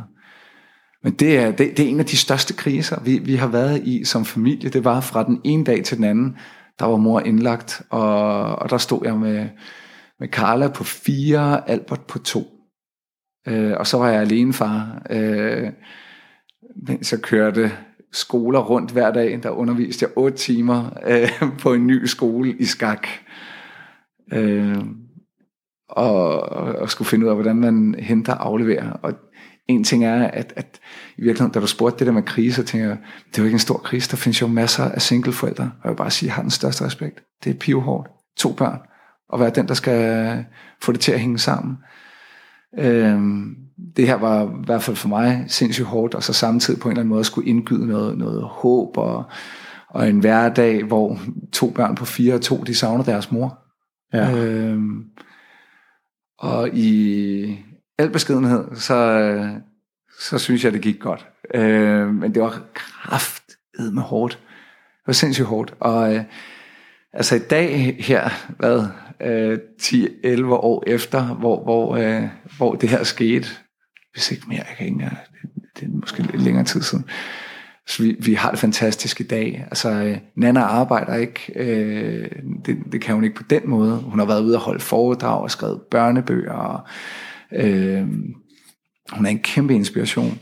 Øh, men hun arbejder ikke som sådan. Så, så det, det er ligesom mig, der gør det. Øh, og hun er velmedicineret, men man bliver også nødt til at træffe de rigtige livsstilsvalg. Øh, så det ville ikke nytte noget, hvis hun bare øh, tog direkte ind i rotteræset og fik sig en stilling og, og sådan noget, som hun havde før, at, øh, at hun blev diagnostiseret her. Så ville det ikke fungere. Så, så vi har det helt fænomenalt i dag, og, og vi har talt om mange gange, at det, at vi var i den situation, det var sådan, altså vi fik 20 års ægteskab på, øh, på et år, ikke? Altså med indlæggelse og finde ud af, hvordan vi ville leve bagefter. Fordi så begyndte vi næsten at arbejde med sådan nogle militærprincipper, med, som vi kaldte SOP, Standard Operating Procedures, fordi vi vidste, at Nana kunne svinge altså fra at være sådan rimelig glad til bare altså fuldblåen øh, depression. Øhm, prøv at forestille dig, at altså, hun kunne næsten svinge fra øh, sådan, hey, sætte lidt musik på, og, og så kunne jeg godt se, okay, det er der, vi er. Øh, og så ville hun kigge og sige, skal vi ikke, skal vi ikke danse lidt? Og så bare og så tænker man, fuck, lige om lidt, så, så går det den anden vej. Og så måtte vi bare sige, okay, så lad os danse lidt. Eller når vi var inde og se Bruce Springsteen, og, og altså, alt var bare happy days. Og så bare tænkte, der kommer måske crash om to dage, men lige nu, lad os lige nyde det, mens det var. Man skal helst ikke have så store udsving, øh, og det er noget af det, medicinen hjælper til. Øh, men I er faktisk blevet bedre til, eller du er måske, til at være i nuet, og så nyde det der selv, og så prøve at slippe det der med, at at lige om lidt, så... ja, og, og så er der bare det, at den, det med standard operating procedures, det betyder også bare, at når, når Nana får et sving, ikke, så ved jeg, hvad jeg skal gøre. Øh, hvor måske de første øh, par år, ikke, der vil jeg fight det, altså på den måde, hvor jeg næsten kunne blive sur eller vred. Det bliver øh, altså umådeligt. Altså det kan godt komme ud belejligt, hvor jeg tænker, fuck, jeg er travlt på arbejdet eller et eller andet. Det var ikke øh, lige nu, fordi typisk så vil det være mig, der bare tager over og siger, okay, jeg henter, bringer, jeg laver mad, jeg laver aftensmad, jeg rydder op, øh, jeg sørger for tøj. så man bare fjerner sådan, så at øh, Nana kan fokusere på at slappe af, øh, og være sammen med børnene på en fed måde. Det er det eneste, hun skal fokusere på. Men det er klart, du kører også rimelig meget på den store klinge med karriere, så der vil være perioder, hvor det rammer som en seriøs mavepuster, altså, forestiller til, mig. Til gengæld så er det det, der har været fordelen ved at være, øh, kan, kan man sige, chefleder igennem så mange år. Det har givet mig en fleksibilitet, som jo desværre ikke er alle for ondt. Øh, fordi jeg har ikke haft noget problem med at så sige, jeg møder klokken 10 i dag, jeg smutter klokken 2, så kunne jeg hente, være der, øh, og så har jeg så bare ikke gamet om aftenen. Så er jeg bare, når øh, familien er lagt omkring ved nitiden, så har jeg kunne arbejde der, have tre til fire fuldfede timer, øh, og stadig være, være klar på næste dag. Det har altså et stor pris, når jeg har haft fleksibilitet på den måde. Det har været heldig at have. Øh, så kan man bare lægge det anderledes. Men du er god til at hvad skal man sige, strukturere det, og så bare tage det fra A til Z. Okay, men så er det det, vi gør. Så er det det, vi Det er lidt ligesom computerspil. Nu kommer vi ind på en ny bane. Okay, så skal vi lige omstille os, så er det sådan her, vi får dræbt monsteret her. Men er der ikke også nogle gange, hvor du er været helt ude af dit uh, gode sind, helt, jo. hvor man bare er nødt til at gå ud og bide et håndklæde eller et eller andet? Altså. Jo, Hvordan fanden har du håndteret det? Der, hvor... Typisk bagefter. Ja. Øh, jeg, jeg, jeg har sammenlignet det nogle gange med, at når, når, når du spænder op, altså der, der fungerer Nana og, og familien, de fungerer øh, på mig som, som omvendt kryp, kryptonit. Så når de har brug for mig, så kan jeg, så kan jeg makse, altså øh, typisk øh, rigtig øh, meget ud. Øh, men når jeg så begynder at kan mærke, at nu er Nana ved at komme op igen, så kan jeg mærke, med, øh, at der, det der, jeg arbejder mest med min psyke, fordi den begynder sådan at sige, hey, nu kan du slappe af, nu kan du slappe øh, Og der kan jeg godt lige have sådan en, ikke en downer, men, men hvor jeg så siger, hvor jeg lige hører Nana, hvor er du henne nu? Fordi jeg skal ud på motorcyklen. Øh, jeg skal lige øh, have en dag, hvor jeg bare tager ind på Bip Bar og spiller retrospil for, for 80'erne. øh, eller jeg skal bare sidde foran computeren nu i en dag. Altså det var lidt den der med, jeg tanker op introvert. Ja. Øh, og, og, og for mig, der, der kan jeg gøre det med en motorcykeltur eller en mountainbike-tur. Øh, vide, at jeg ikke skal skynde mig øh, til, til, til noget. Øh, og jeg ved, at der, der er nogen, der, der sker ikke noget, hvis jeg lige øh, kigger væk nu. Og så er det jo selvfølgelig nogle gange, altså, så er det triple hårdt, hvis jeg tror, jeg har en, en, en afslappningsperiode, og så der kommer en losing til. Ja. Så begynder vi at være op i det niveau, hvor at, at, jeg, jeg, jeg bliver presset, ikke? Hvor, jeg, hvor min krop nu fortæller mig, øh, nu, kan jeg, nu kan jeg lige slappe af og lade op, og så får man den der, nej, du kan stadigvæk ikke. Øh, det, det, det synes jeg faktisk er den hårde. Det minder mig lidt om dengang i militæret. Ikke? Øh, øh, der er du på beredskab. Selvom du ikke bliver kaldt ud, men, men så er du nogle gange på sådan noget, der hedder 5 minutters beredskab, så er du eddermame med klar til at rykke til hvad som helst, når som helst, hvor som helst. Ikke? Så har du nærmest altså, dit gevær inden for rækkevidde, din uniform er på, du er klar til bare at køre. Reglen er, at du må ikke være på fem minutters beredskab for længe. Ja, for det er jo lidt stressende hele tiden. Ja, ja, det, det er jo en grundstress. Ja. Øh, også selvom der sker natter. Jeg, ja. jeg, jeg tør ikke at tænke på, hvor mange gange, også som udsendt soldater, vi har været på et relativt lavt beredskab til at rykke til forskellige ting. Og der skete hat og briller. Men man kunne godt mærke, bare det der med at sidde og være klar til at være klar, øhm, det, det, det er stressende. Så, så selvfølgelig, der, der er den der, jeg vil ikke sige øh, downer-periode, men der er sådan en lille opladningsperiode, jeg kan have typisk efter.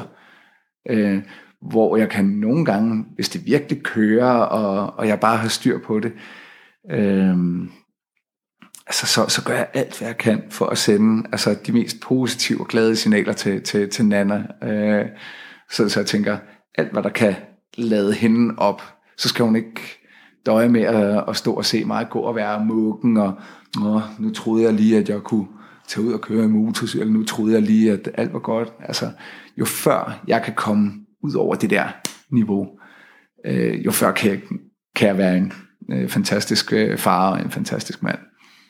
Og det, det skulle jeg bokse meget mere med for en 8-9 år siden, men jeg skal nu. Øh, Ja, fordi ens egne behov er jo også så sindssygt vigtige. Men altså, det, det, og det kan jeg jo mærke selv, nu har jeg Ja. knækket på et andet. Mine behov, de bliver bare skubbet længere og længere ned i grøften, altså. Og der har du så lige prøvet det på steroider et eller andet sted, hvor at, Ja. shit mand, du skal fuldstændig til side sætte dig selv, lyder det lidt som, groft Ja, sagt, ikke? og, og, og det vilde er jo, at Nana kan have sådan en god periode på halve, og også hele år næsten. Ikke? Men vi ved også bare, på et tidspunkt, så kommer den. Den der uvidshed med, at den, den bare er der, øh, og har altid været det øh, de sidste mange, mange år. Øh, vi er altid lidt på beredskab. Og lige nu, der har vi 12 hundevalpe. Så, så der har vi faktisk været lidt makset ud. Jeg kan, jeg, jeg kan se, Nana havde jo egentlig, fordi det var hende og min datter, øh, Karla, de havde et projekt med, at de gerne ville have hundevalpe. De synes det kunne være så hyggeligt i hele verden. Og det er også hyggeligt at have 12 hundevalpe.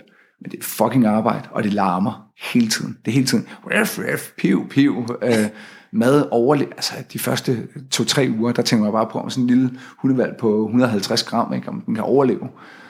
Øh, det har bare været stress med stress på. Ikke? Og Nana og Carla, de havde lovet mig, de havde lovet mig, at jeg skulle have nul at gøre med det. Selvfølgelig. Men pointen er, at jeg kan se, øh, at det her det stresser mere og mere. Fordi det udfordrer Nana, hun får mindre søvn, og hun får mindre søvn, så bliver hun mere tilbøjelig til at øh, glide over i uhensigtsmæssige altså handlemønstre og psykiske mønstre. Så det dur ikke for hvem som helst. Altså der, der manglende søvn er jo stress, det ved du selv. Oh yes. Det er bare stress. Ja, Altså, man bliver bare en dårlig udgave af sig selv. du, du er bare Stille og roligt. Super stille og roligt. Bare mere dårlig udgave af dig. Og til sidst kan du ikke redde den ved en, en, en stærk kop kaffe. Eller en, Red Bull, eller- det kan du ikke. Der, var, der, der er ikke mere at komme efter. Og, og, og det kunne jeg så se ske. Og der skulle jeg altså lige tage min anden og prøve at høre. Og hun var sådan, nej, men det, det var jo meningen, at du skulle bare slappe af, og ikke have noget med at gøre. Så sagde jeg, det kan godt være. Men, men prøv nu at sætte dig i mine sko jeg kommer da alligevel ikke til at sidde her og hygge, altså, og slappe af, mens at, at, at I to er ved her. Så laver vi den aftale om. Men det tog faktisk hende noget tid, fordi hun synes, at jeg havde fortjent at skulle slippe for alt det der. Hvor jeg sagde, nej, nej, sådan, sådan ruller vi ikke som familie. Der skulle jeg virkelig bruge, øh, jamen, så får jeg bare dårlig samvittighed. Ja, men, men jeg vil meget gerne investere i det her. Og så vil jeg synes, det er et rigtig dårligt trade, hvis jeg ligger her. Jeg, jeg, jeg begyndte så at sove ved siden af hundevalpene, fordi det var den eneste måde, Nana kunne sove trygt på. Så jeg lagde mig ind og sove ved siden af hundevalpene, fordi ellers så kunne øh, Nana ikke sove, øh, uden hele tiden at høre dem. Ligesom når du har et lille barn. Mm. Fordi er de nu ved at dø? Er de ved at kløjes? Af, altså, hvad sker der med de der hundevalp? Og så sagde jeg, så laver vi bare aftalen om. Det vil jeg hellere. Øh, men så skal jeg ikke så skal det ikke være sådan, hey, nu gør jeg det her, og så skal jeg øh, i, i modgift, så, øh, så, så får du dårlig samvittighed. Det er ikke derfor, jeg gør det, at du bare skal have mere dårlig samvittighed. Øhm, men, men det fede er, at, at altså, jeg elsker Nana, vi, vi, vi er det vildeste par, altså, og det der er det fede, det er, at øh, selvom hun har den udfordring, så er hun det vildeste powerhouse, og øh, støtter mig i, i hvad som helst. Altså i hvad som helst. Altså jobskifte og usikkerhed, og altså, vil du, hvad, vil du have en motorcykel? Det kunne en motorcykel. Altså, så, så skal du have en, pas nu på dig selv for helvede, fordi vi, vi vil gerne have dig. Øh, der er ingen grænser for. Øh, og det, jeg har jo været facilitator hos True, North i de år, hvor hun jo også har haft det rigtig svært. Hun har bare haft sådan, vi, vi pakker os ind med bedsteforældre. Du skal afsted, fordi du brænder for at stå på den scene og gøre det med de unge mennesker. Det, det, det skal du gøre. Øh, og Ja, når du gør det, så er du 100% der. ja, Og det er jo, der, der er jo et stærkt team, at hun er med på ja. at gøre alt, hvad der skal til, for at du kan være det. Og det var det samme, altså, da, da, da hun lige var kommet tilbage på hospitalet, det var jo sådan mere eller mindre der, jeg gik i gang med at træ, træne op til Ironman. Øhm, og hun var sådan, det, det der, det skal du. Øhm, Det er også mange timer lige pludselig at rive ud hver uge. ah, det var det så ikke, fordi øh, jeg, jeg skulle bare gennemføre Ironman, men jeg skulle finde en måde at gøre det på, som var tid på effektivitet.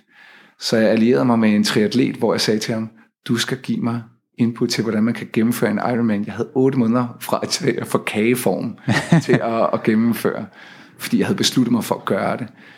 Øhm, og Nana, hun, hun støttede mig så, men det skulle stadig gøres effektivt. Så ideen var, at øh, hver anden dag, der, der løb jeg to kilometer så hurtigt, jeg overhovedet kunne. Øh, det vil sige i tre pas af 700 meter, hvor jeg bare maxede, og så stod jeg stille i 5 minutter, indtil pulsen var fuldstændig nede. Så løb jeg ind til jeg smagte jern 700 meter. Og det vil sige, at mit træningspas var overstået i omegnen af en halv time. Øhm, og han sagde bare, det er ikke godt for din krop, men det er effektivt, hvis du gerne vil have lungekapacitet. og så på min hviledag, laver jeg godsøjne her, ikke? Der, der vil jeg bare ligge derhjemme på gulvet med ungerne og lave primitiv muskeltræning. Altså øh, hele kroppen rundt. Ja. Øhm, så det var to kilometer løb hver anden dag, primitiv muskeltræning på gulvet. Og så i weekenderne, der cyklede og, og løb jeg et længere pas. Men så sagde ham der, min, min ven, han sagde bare, du må bare ikke spise fucking øh, ris, kartofler eller øh, hvedebrød. Du skal bare, fordi han sagde, din krop vejer nu 106 kilo, Henrik, den burde veje 92. så han sagde, ned i vægt. Og så, så tabte jeg øh, de der 10-11 kilo, samtidig med, at jeg kom i bedre form. Og så var det fuldt ud tilstrækkeligt efter 8 måneder at, at gennemføre. Fedt, mand. Men det fede var jo egentlig, at det kom fra, at selv sådan nogle projekter, som var pænt, øh, City Bakspejl, hjernedød, øh, der, der har Nana bare sagt, ja, det der, det skal du. Og du har også været udsendt, mens I var sammen, ikke? Nej, nej, Ja, det var så det, før. Det, det, var, det var før. Det, Ja, okay, yes. Det, faktisk øh, har jeg lige et år, fra jeg kommer hjem fra, fra udsendelse, og til jeg starter på universitetet, hvor jeg møder Nana, hvor jeg ikke aner, hvad jeg skal bruge mit liv på. Øh, og der kører jeg bare rundt og er cykelbud. Sådan. Der kører jeg bare. Altså, det, var det, det, det mindede lidt om militæret, fordi du har en radio, og, og så, så når du er så ung og kører rundt på en cykel, så kører du bindegalt rundt i Københavnsgade og, med en mountainbike, så det var bare sådan ned ad trapper, og hvis man slog sig lidt, så var det næsten bare fedt, ikke? Øh, kæft, det var dumt. Øh, men jeg overlevede, og det er jeg glad for i dag. Men altså, øh, altså nu, militæret er jo fantastisk til at træne i, i accept, fordi der er nogle ting, der ja. bare er super skøjet, noget man ikke gider, noget som er super nede, noget som er formålsløst for, for den lille mand på ude i skoven der lige i øjeblikket. Ja. Det er det måske ikke i det store billede, men det er det nogle gange. Altså, øh, så det træner en rigtig meget i det, og du er også god til ligesom at have det mindset, jamen, det er det, jeg kan gøre noget ved, det er det, jeg gøre noget ved, osv. Men altså nu i forhold til alt det med Nana, hvordan, hvordan lærer man at acceptere det? Altså, hvordan, Altså det er jo noget, jeg synes, der er interessant, det her, det er, fordi, det, fordi det er noget, vi alle sammen slås med på et eller andet plan. Der er nogle ting, vi skal acceptere, nogle mm. kæmpe store ting. I fandt ud af, at I havde lige pludselig nogle helt andre livsvilkår, end I ellers ville have haft. Hvordan fanden accepterer man det øh, kæmpe skifte? Altså, jeg tror i virkeligheden, øh, jeg tror det er rigtigt, det der med accept af, af de hårde dage, men, men, i, men i virkeligheden ser jeg det jo helt anderledes. Mm. Øh, I dag føler jeg mig øh, taknemmelig og privilegeret for, at det er det liv, jeg har, at det er de oplevelser, vi har sammen, at vi har indrettet vores tilværelse på den måde. Vi har ikke sat os øh, specielt dyrt. Vi har alle de ting, vi godt kunne tænke os. Vi har mulighed for at give børnene de oplevelser, øh, som, øh, de, som vi synes, de, de, de, skal have. Øh, jeg føler i virkeligheden, at vi, vi lever meget grænseløst. Altså vi, vi, vi, vi kan gøre fuldstændig, hvad, hvad, hvad det passer os. Øh, jeg, jeg tror, en, en bedre måde at accepte, det er bare at, at være ekstremt taknemmelig. Nu er jeg så også troende ved siden af, ikke sådan, at jeg, jeg går jeg stadigvæk i kirke sammen med alle andre, øh, den der en gang om året. Øh, men, men jeg tror på noget større og noget vigtigere. I min verden er det øh, Gud og, og, og Jesus. Øh, ikke noget øh, altså større vildere end det, men, men der er bare en, en mening med det hele, og det handler om at få så meget ud af den her tilværelse som muligt. Og når man finder ud af, at vi har fået altså det liv og de muligheder sammen, øh, blandt andet på grund af nogle af de mange udfordringer, vi har stået overfor, øh, så, så er der faktisk ikke så meget accept tilbage, så er der bare rigtig meget taknemmelighed. Fantastisk. Der er faktisk, øh, jeg tror det er Ernst, den interview, jeg laver med ham også, der, han siger lidt det samme, det her med, at det, at det accept, det handler om at i virkeligheden bare have det eller andet fokus, i stedet for at gå og fokusere på, åh, hvordan, øh, hvad er det, jeg ikke kan, og hvad er det, der er så svært, og alle de der ting, hvordan lærer jeg at acceptere det? Hvis du lærer at kigge på det på en helt anden måde. Øhm, og det er jo øh, et af de, øh, jeg har ligesom to grundlæggende øh, ting, jeg gerne vil inspirere verden med. Og det ene, det er synet på posttraumatisk vækst, og det er også lidt det, jeg hører, du har oplevet. Og det betyder ikke, at alt er fedt altid, men det betyder, at man i hvert fald har lært en masse fra en eller anden form, for det kan være traumatisk oplevelse, det kan også være en eller anden for hård, svær periode, et eller andet. Øhm, og det er i hvert fald, I har lært noget taknemmelighed, I har lært hinanden bedre at kende. Mm. Er der andre steder, hvor du føler, at der er du faktisk vokset ud igennem det her? Mm. Er der andre steder, hvor du sådan lige... Jo, har allerede sat en masse ord på det, men... Jo, øh, man bliver bedre til det, man træner. Og øh, den, den, altså jeg, jeg var vokset op med en mor, der drak. Øh, og det, det, det er jo det, det, det er et relativt hårdt miljø at være i. Øh, både at, at skulle dække over det, når man har øh, venner på besøg, eller øh, har skulle prøve øh, fra, fra en ung alder og, og se, om man kunne hælde lidt vand i øh, værmutflaskerne, og øh, sige, hey, skulle du ikke have en kop kaffe nu, eller her, jeg laver, jeg laver skal jeg ikke lave en, en mad til dig? Fordi man tænkte, så ville det på en eller anden måde gå bedre. Hmm. Og der tror jeg, apropos accept, øh, jeg fandt bare ud af, at, at jeg kunne ikke Øh, jeg kunne ikke ændre min mor, øh, selvom jeg sagde Og det, hun er her ikke mere. Hun levede altså desværre et, et hårdt liv. Hun har været en kæmpe inspiration. Hun var en, altså hun var en, nat, øh, en vild naturkraft. Hun var også dybt inspirerende og fantastisk menneske og, og glad og, og betød alverden for mig. Men, men hun havde også den der mørke side, øh, som selvfølgelig når man er otte år gammel og op igennem øh, mange år, øh, øh, meget, meget svært at skulle håndtere. Men, men, men jeg tror, øh, man bliver bedre til det, man træner, og det vil sige, øh, jeg fandt ud af, at det var bare sådan, det var for mig. Øh, og så finder man lige pludselig ud af, at det, det bliver måske en inspiration. Så bliver det lige pludselig derfor, man brugte lidt flere timer med skakholdet. Øh, så blev det derfor, øh, at man tænkte, hey, en, en dag skal jeg måske se, om jeg kan hjælpe andre, eller øh, se, om jeg kan bruge min tid på at inspirere nogen øh, som måske heller ikke har, altid har det nemt. Fordi jeg tænker, at jeg har haft det svært, ikke? men altså, hvis man bare åbner døren, ikke? det er der mange, der har, øh, og ikke mindst de forskellige steder i deres liv. Øh, og det er jo klart, det er jo ikke en tanke, man tænker, når, når man ser ens mor drikker, man er 8 år gammel, og man om aftenen siger, mor, vil du ikke godt lade være med det der? Øh, så det er jo, øh, så kommer det, se, øh, altså, så kommer det senere, ikke? Altså, hvor, hvor man kan, kan begynde at, at tage den oplevelse og bygge på, ikke? Så bliver man større og, og tænker, nej, det, det skal sgu ikke hæmme mig. Og så bliver du større igen og tænker, okay, nu er det en del af min historie. Hvordan vil jeg bruge den historie? Øh, og så kan det lige pludselig blive en drivkraft. Så der er ingen tvivl om, at, at jeg har da været en smule trænet i, i at håndtere udfordringer.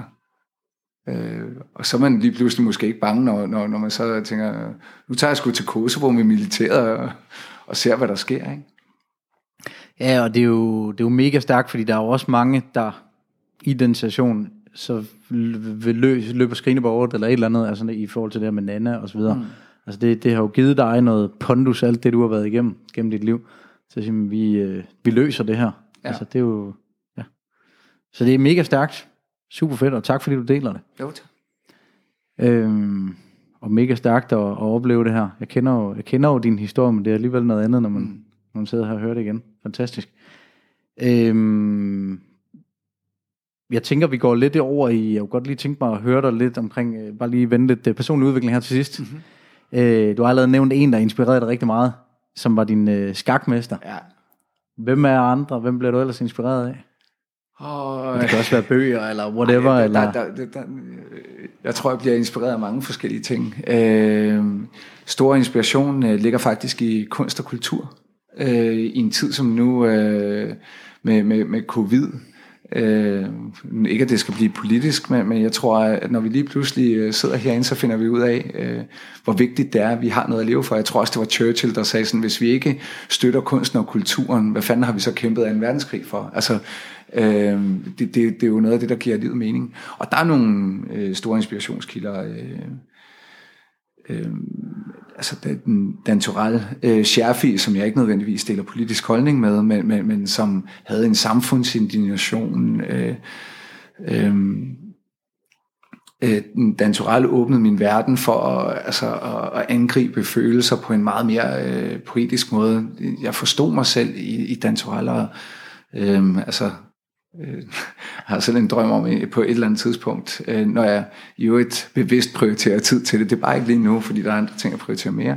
Så kan det være, at jeg sætter mig ned og skriver øh, en, en, en bog i, i klassisk beat-format. Det, det, det er i hvert fald ikke så, at den udkommer, men bare prøve kræfter med det så, altså selv når jeg står derhjemme og laver øh, kødsovs, ikke? altså en inspiration, det er sådan lidt den der Jørgen Let ting.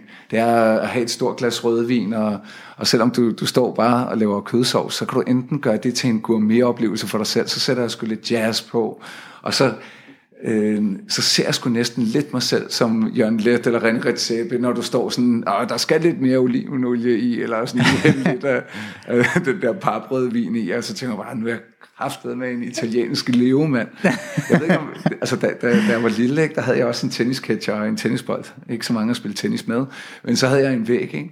men op i mit hoved, der kørte den der stemme af McEnroe, sikkert slag, han laver der. øh, og der bliver han, men han når den sgu. Og sådan, den umulige bold. Jeg, jeg, jeg, jeg, kommenterede jo tenniskampe, eller når jeg spillede basket med mig selv, dem kommenterede jeg op i hovedet.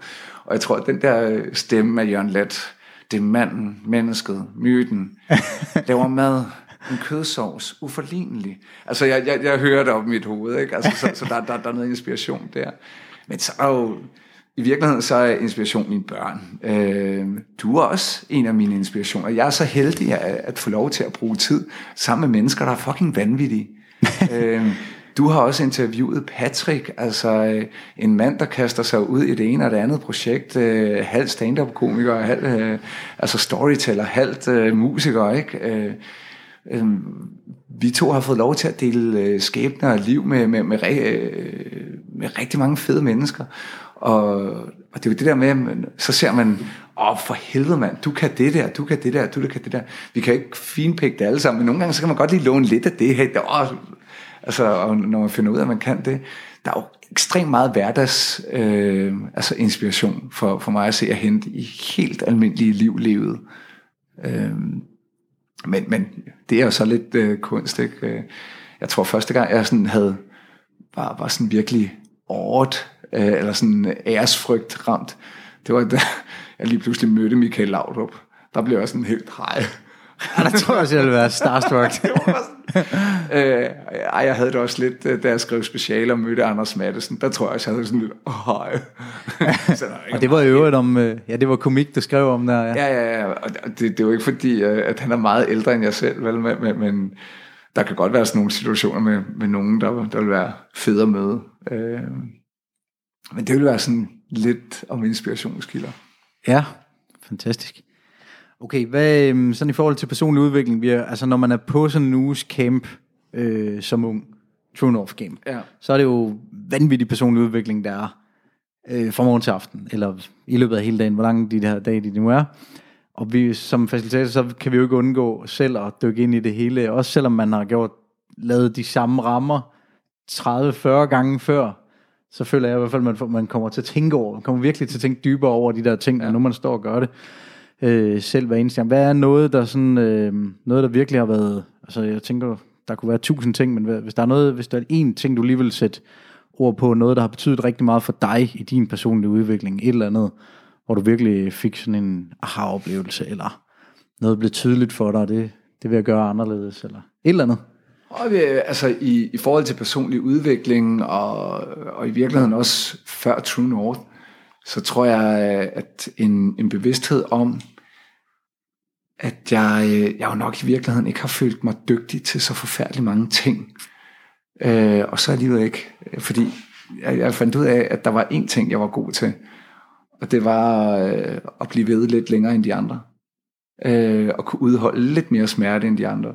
Øh, jeg, jeg, jeg kan huske, da jeg var i Kosovo, så, så arrangerede man for soldaterne, det var så dumt det her, så arrangerede man for soldaterne, for at de skulle hygge sig. Det var sådan, det, det var sådan et velfærdsarrangement.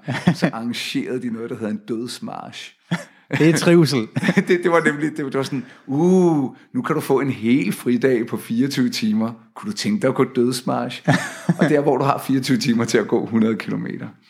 Og det sjove var, op i mit hoved, der vidste jeg, jamen, jeg kommer ikke til at vinde den. Jeg kommer ikke til at crashe tiden. Men jeg ved, at jeg kan udholde så meget smerte i mine fødder, at hvis det kun er et spørgsmål om, at jeg går og holder en, bare en lav hastighed, så kan jeg gøre det her. Det kan jeg gøre evigt, fordi jeg er ikke, jeg er ikke bange for smerte, og jeg ved, at jeg giver ikke op. Og, og, og den der ikke give op ting, eller blive ved med ting, der er ubehagelige, det er jeg relativt god til. Det var faktisk også derfor, jeg, jeg, jeg vidste i bund og grund, at jeg kunne gennemføre Ironman, fordi jeg gik ikke efter tid. Jeg vidste også godt, at jeg kunne have gennemført en med 10 kilo mere på mig, øh, hvis ikke det var, fordi de havde sådan nogle diskvalifikationstider. Du må ikke være i vandet i mere end to timer i kvarter, fordi så ved de bare, nu er du drænet. Så du kan ikke cykle 180 øh, og løbe et maraton efterfølgende. Vel? Øh, nej, så jeg, jeg, jeg ved, at... Øh, og lidt det samme, øh, jeg tror, studie, skak, øh, hvad, hvad jeg har kastet mig over. Jeg har heller ikke følt mig så skidehammerende øh, intellektuel, så når jeg virkelig har skulle forstå et teoretisk, akademisk, tungt emne, så har jeg med at skulle bruge tid på det for altså, at kunne være stærk nok til mundtlig eksamen. Jeg følte i så store dele af at læse statskundskab, som jeg jo kom ind på, fordi jeg havde alle de der skide meritpoint fra militæret og sådan noget. Ikke? Jeg havde jo ikke i nærheden af snittet til at komme på statskundskab. Og jeg tænkte bare, da jeg kom ind, så tænkte jeg bare, fuck, det lyder klogt. Altså økonomi og sociologi på et højt niveau international politik, altså jeg fik bare metode, kvantitativ, kvantitativ metode. Jeg, der var så mange fag, jeg fattede, altså grundlæggende set hat og briller på, jeg kiggede rundt på andre mennesker, hvor jeg bare tænkte, fuck, hvor er de kloge. og når de talte, så lød det som om, de forstod det, og jeg tænkte bare, når jeg prøver at tale, så lyder jeg stadigvæk som sådan en 9. klasse, der prøver at tale tysk, men ikke har lært det endnu. sådan ikke ben. det, var bare, det var bare mig og uh, akademi, men, men altså jeg forstår stadigvæk ikke, hvordan jeg skovlede igennem øh, statskundskab og fik så relativt gode karakterer.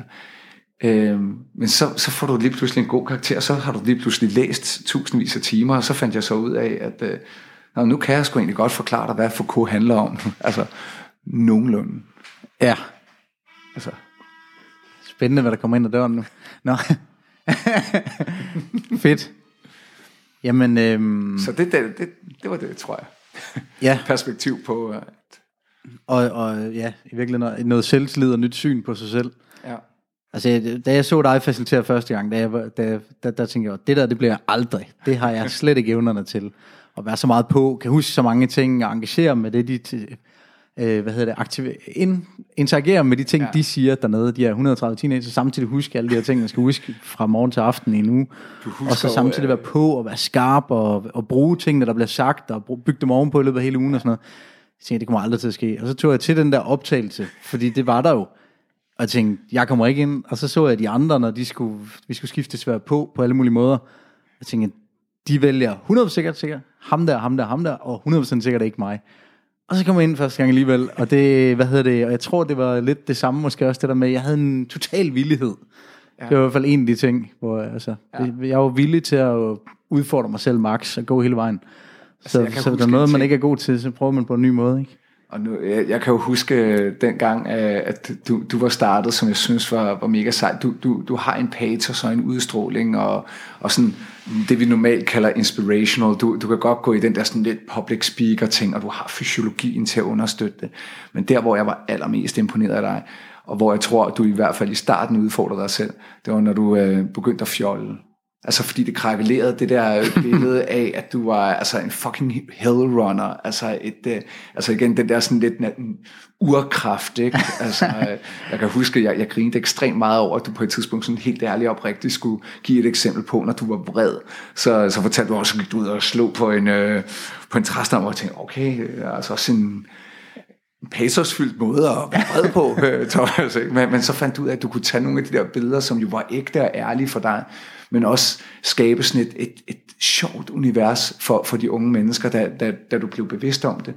Og der, der, der kunne jeg også bare se, altså når, når, når man har været i branchen i nogle år, ikke, der kunne jeg se, her der udfordrer du dig selv, men jeg nåede ovenikøbet at se, der lavede den der rejse, hvor du begyndte at mærke, det der, det var sjovt, og så begyndte du at vide, at nu kunne du bruge det, og bruge det mere og mere aktivt. Altså, Øh, vi laver jo ikke stand-up comedy, men, men vi, vi, vi bruger jo humoren, og, og nogle gange har vi da også noget, der minder om setup punchlines og jokes, som vi ved fungerer, eller folk vil grine af, fordi de bliver lagt det rigtige sted, eller bryder med, hvad de tror, vi siger nu. Og der synes jeg bare, at der var, der var du for vild, fordi på samme måde som du heller ikke skyr nogen midler for at, at træne op til den næste syge ting. altså der, der skyder du heller ikke nogen midler for, fordi du vidste, at for at lære det der, så blev du nødt til at kaste dig ud i nogle ubehagelige situationer. Og der er jo næsten ikke noget mere ubehageligt, end at prøve at være sjov. Nej. Altså prøve at være sjov, og du ved, du ved det ikke Lige nu ved du ikke, du er sjov, øh, og nu prøver jeg at være sjov, fordi jeg egentlig tænker, jeg, jeg vil udfordre mig til at kunne se, at man kan skabe mere engagement ved at være selvudleverende, eller... Selvironisk, Ja, ja. eller ja. se lidt dum ud, eller altså hvad det måtte være. Det kan jeg huske, det synes jeg var helt vanvittigt med dig. Der har du presset mig virkelig langt, og det har været kæmpe øh, vækst og udvikling øh, Ja. selvfølgelig. Øhm, ja, og det er jo det der, det er jo det, og det er også det med den her podcast. Det, nu har vi i hvert fald øh, fået oplevet, og du har delt nogle, en masse dybe ting, og, og det er jo også masser af alvorlige ting, så der har været sådan, det, det, er jo, det, er jo det, det er jo det, vi arbejder med, mange forskellige hatte, mm. så man ligesom har hele spektret, mange forskellige øh, tilstande at være i, og så videre. Øhm, og de lyttere, der er, øh, er meget forskellige også, men hvis du nu skulle give et råd, godt råd til lytterne, mm. øh, i forhold til at, altså i arbejde med sig selv, jeg ved godt, det er meget bredt, er det okay? Mm, ja, så skal jeg bare lige se, om jeg kan finde noget, noget fedt at sige. Et godt råd. Øh. Åh, jeg, jeg, jeg, jeg skal se, om jeg, kan, jeg ligesom kan fange det ind i, i en form for sætning. Men så vil mit øh, øh, råd jo nok være det der med, at øh, altså, i- ikke bare skulle acceptere, at åh, jeg, jeg er i den der situation, men, men, men, men omfavne verden, altså med, med, med alt det mest fantastiske, øh, og, og alt lorten. Altså, øh, lorten kommer nogle gange også på, øh, på det rigtige tidspunkt. Øh, wow, jeg, jeg, altså jeg synes bare, at li- livet er så, så mega fedt, og jeg, og jeg ved godt, jeg kan fremstå som en jubelidiot, men, men nu, nu har jeg den, det er, simpelthen, det er bare at, at omfavne det.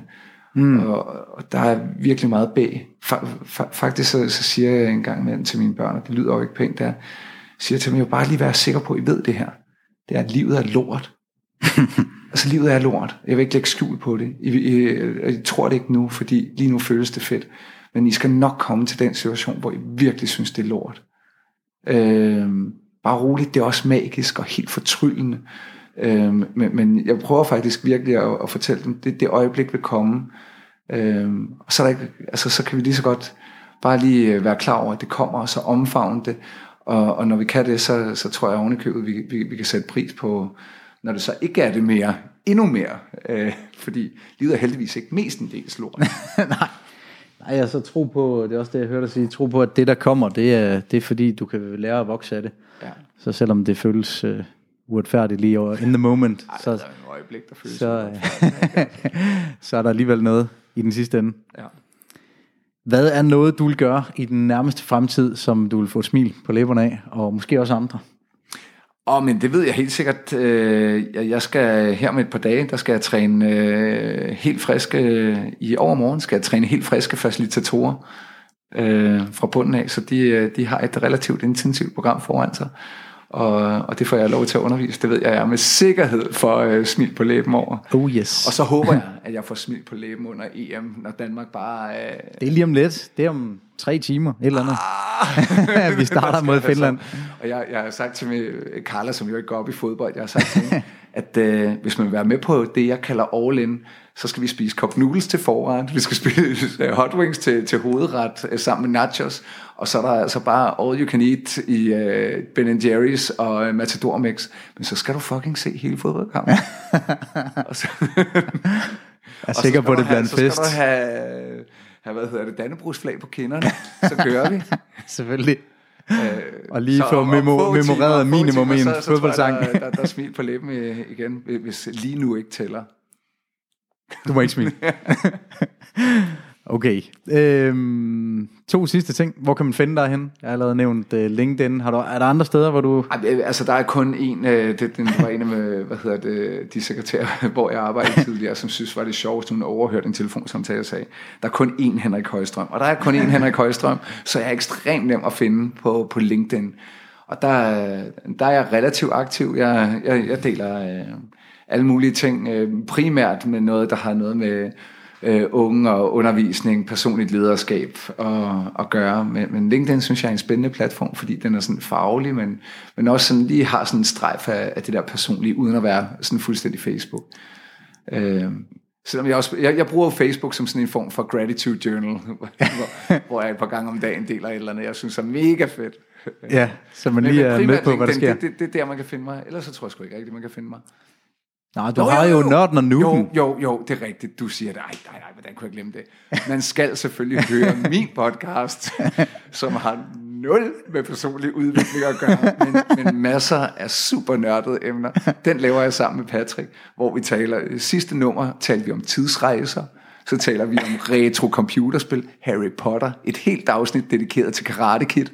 Øh, det er... Det med tidsrejsen, den skal jeg lige høre. Og, og Anders And øh, har vi også dedikeret et helt afsnit til. Vi dedikerede et helt afsnit til Friends, altså serien Friends, fordi Patrick, han åbenbart ved alt, altså som i alt. Friends, det er helt, det er helt vanvittigt. Så vi prøver at tage forskellige emner op, som vi bare nørder med, men, men sådan nogle af de klassiske, også noget rollespil og computerspil og sådan i virkeligheden, nu hvor troldspejlet de lukker, så skal I bare høre den nørden og nuben. Og vi er på Spotify og Podimo og øh, alt muligt. Sådan. Ja, det, ja, den, den skal jeg have med også. Og vi anmelder energidrik, det er også det er virkelig et dumt projekt, altså, og smager virkelig af lort, rigtig meget af det. Jamen, øh, det er godt. Altså, det, så har man lige sådan en anden pendant til styrke ja. krisen her. Okay, så sidste spørgsmål, jeg lige har, det vil være, hvem vil du anbefale mig at tage fat i? Oh, jeg, jeg har så mange mennesker, jeg vil anbefale dig at tage fat i. jeg vil personligt synes, at det var gigaspændende, øh, hvis du øh, fik fat i Kim Kanonarm. Øh, der er lige lavet en dokumentarfilm om ham, som jeg så. Øh, jeg mødte ham også, og har set ham flere gange øh, i person. Han er super legendarisk. Øh, han spiller øh, retro-computerspil og har verdensrekorden i at spille øh, et øh, gammelt spil fra 80'erne, Gyrus, i, altså, øh, i, jeg tror, nogle af 60 timer i streg, eller 70 timer. Det er helt sindssygt. Han er øh, et vanvittigt menneske, og et menneske af få ord, men jeg vil synes, det var helt øh, skørt og, og, og skægt, øh, hvis han var med i en podcast. Øh, og høre, hvordan han tænker, og hvorfor han har lavet en af de største præstationer i uh, international retro gaming. Han er øh, men se øh, dokumentaren, som jeg var helt op at køre over, som hedder øh, Kim Kanonarm og rejsen mod verdensrekorden. Den okay. vildeste dokumentar. Den må jeg lige tjekke. Den har lige været på uh, Copenhagen Docs. Ja. Ja, ellers så, men, men han er jo øh, interviewet mange gange i anden sammenhæng, men det vil være øh, folk som Jørgen Let, det er mest fordi, ham gad jeg godt at, at drikke mig helt fuld sammen med. Han står altså også på min liste. Jeg ved ja, ikke lige, hvor jeg skal få adgang til ham. Han står på min liste, helt sikkert. Jeg vil betale penge bare for at få lov til at sidde over i sofaen, mens du bare... altså, så kan du tjene lidt ved, ved siden der. Eller en anden vanvittig uh, type, Kurt Tybo. Altså, uh, altså, det er rimelig skæve mennesker, ikke? Men på den fede måde. Ja. Det, det vil, ej, jeg, det jeg, jeg, kunne anbefale mange, mange flere, men jeg kommer allerede til at lave to for mange, så Kim Kanonarm var min første. Ah, det er fedt. Vi får lige en lille gæst her, så det er okay, hvis han lige siger et eller andet. Hej hej. men altså, det var faktisk også det. Det var det. Det var øh, super fedt. Det var bare det. Andet er der ikke Ej, det var fantastisk. Øh, så jeg håber, ja. du havde en god oplevelse Ej, også. tusind tak. Det var øh, skønt at få lov til at tale om sig selv. Ikke? Jamen, du har så meget at byde på, så jeg synes, det er endeligt får vi den her, det her afsnit med. Og tak til dig, lytter, fordi du lyttede med. Og øh, så må I have en fantastisk dag. Du må have en fantastisk dag, jo, Henrik. tak. Og, og god fodboldkamp. Jo, tak. tak. Tak fordi du lyttede med til den her podcast. Mit navn er Thomas Dybro. Jeg brænder for at inspirere dig til at leve et liv med passion, dybe relationer og taknemmelighed. Du kan se korte videoer med inspiration til personlig udvikling og hvordan du får mere positivitet ind i din hverdag på Facebook-siden Styrke ud af krisen med Thomas Dybro. På hjemmesiden thomasdybro.dk der kan du se info om foredrag, workshops og hvad jeg ellers tilbyder og referencer. Tilmeld dig gerne nyhedsmail, så er du opdateret, når der sker noget nyt her i lejren. Glæd dig til de kommende afsnit af den her podcast, hvor jeg får besøg af endnu flere topspændende mennesker med livsbekræftende budskaber. Kan du have en fantastisk dag. Tak fordi du lyttede med.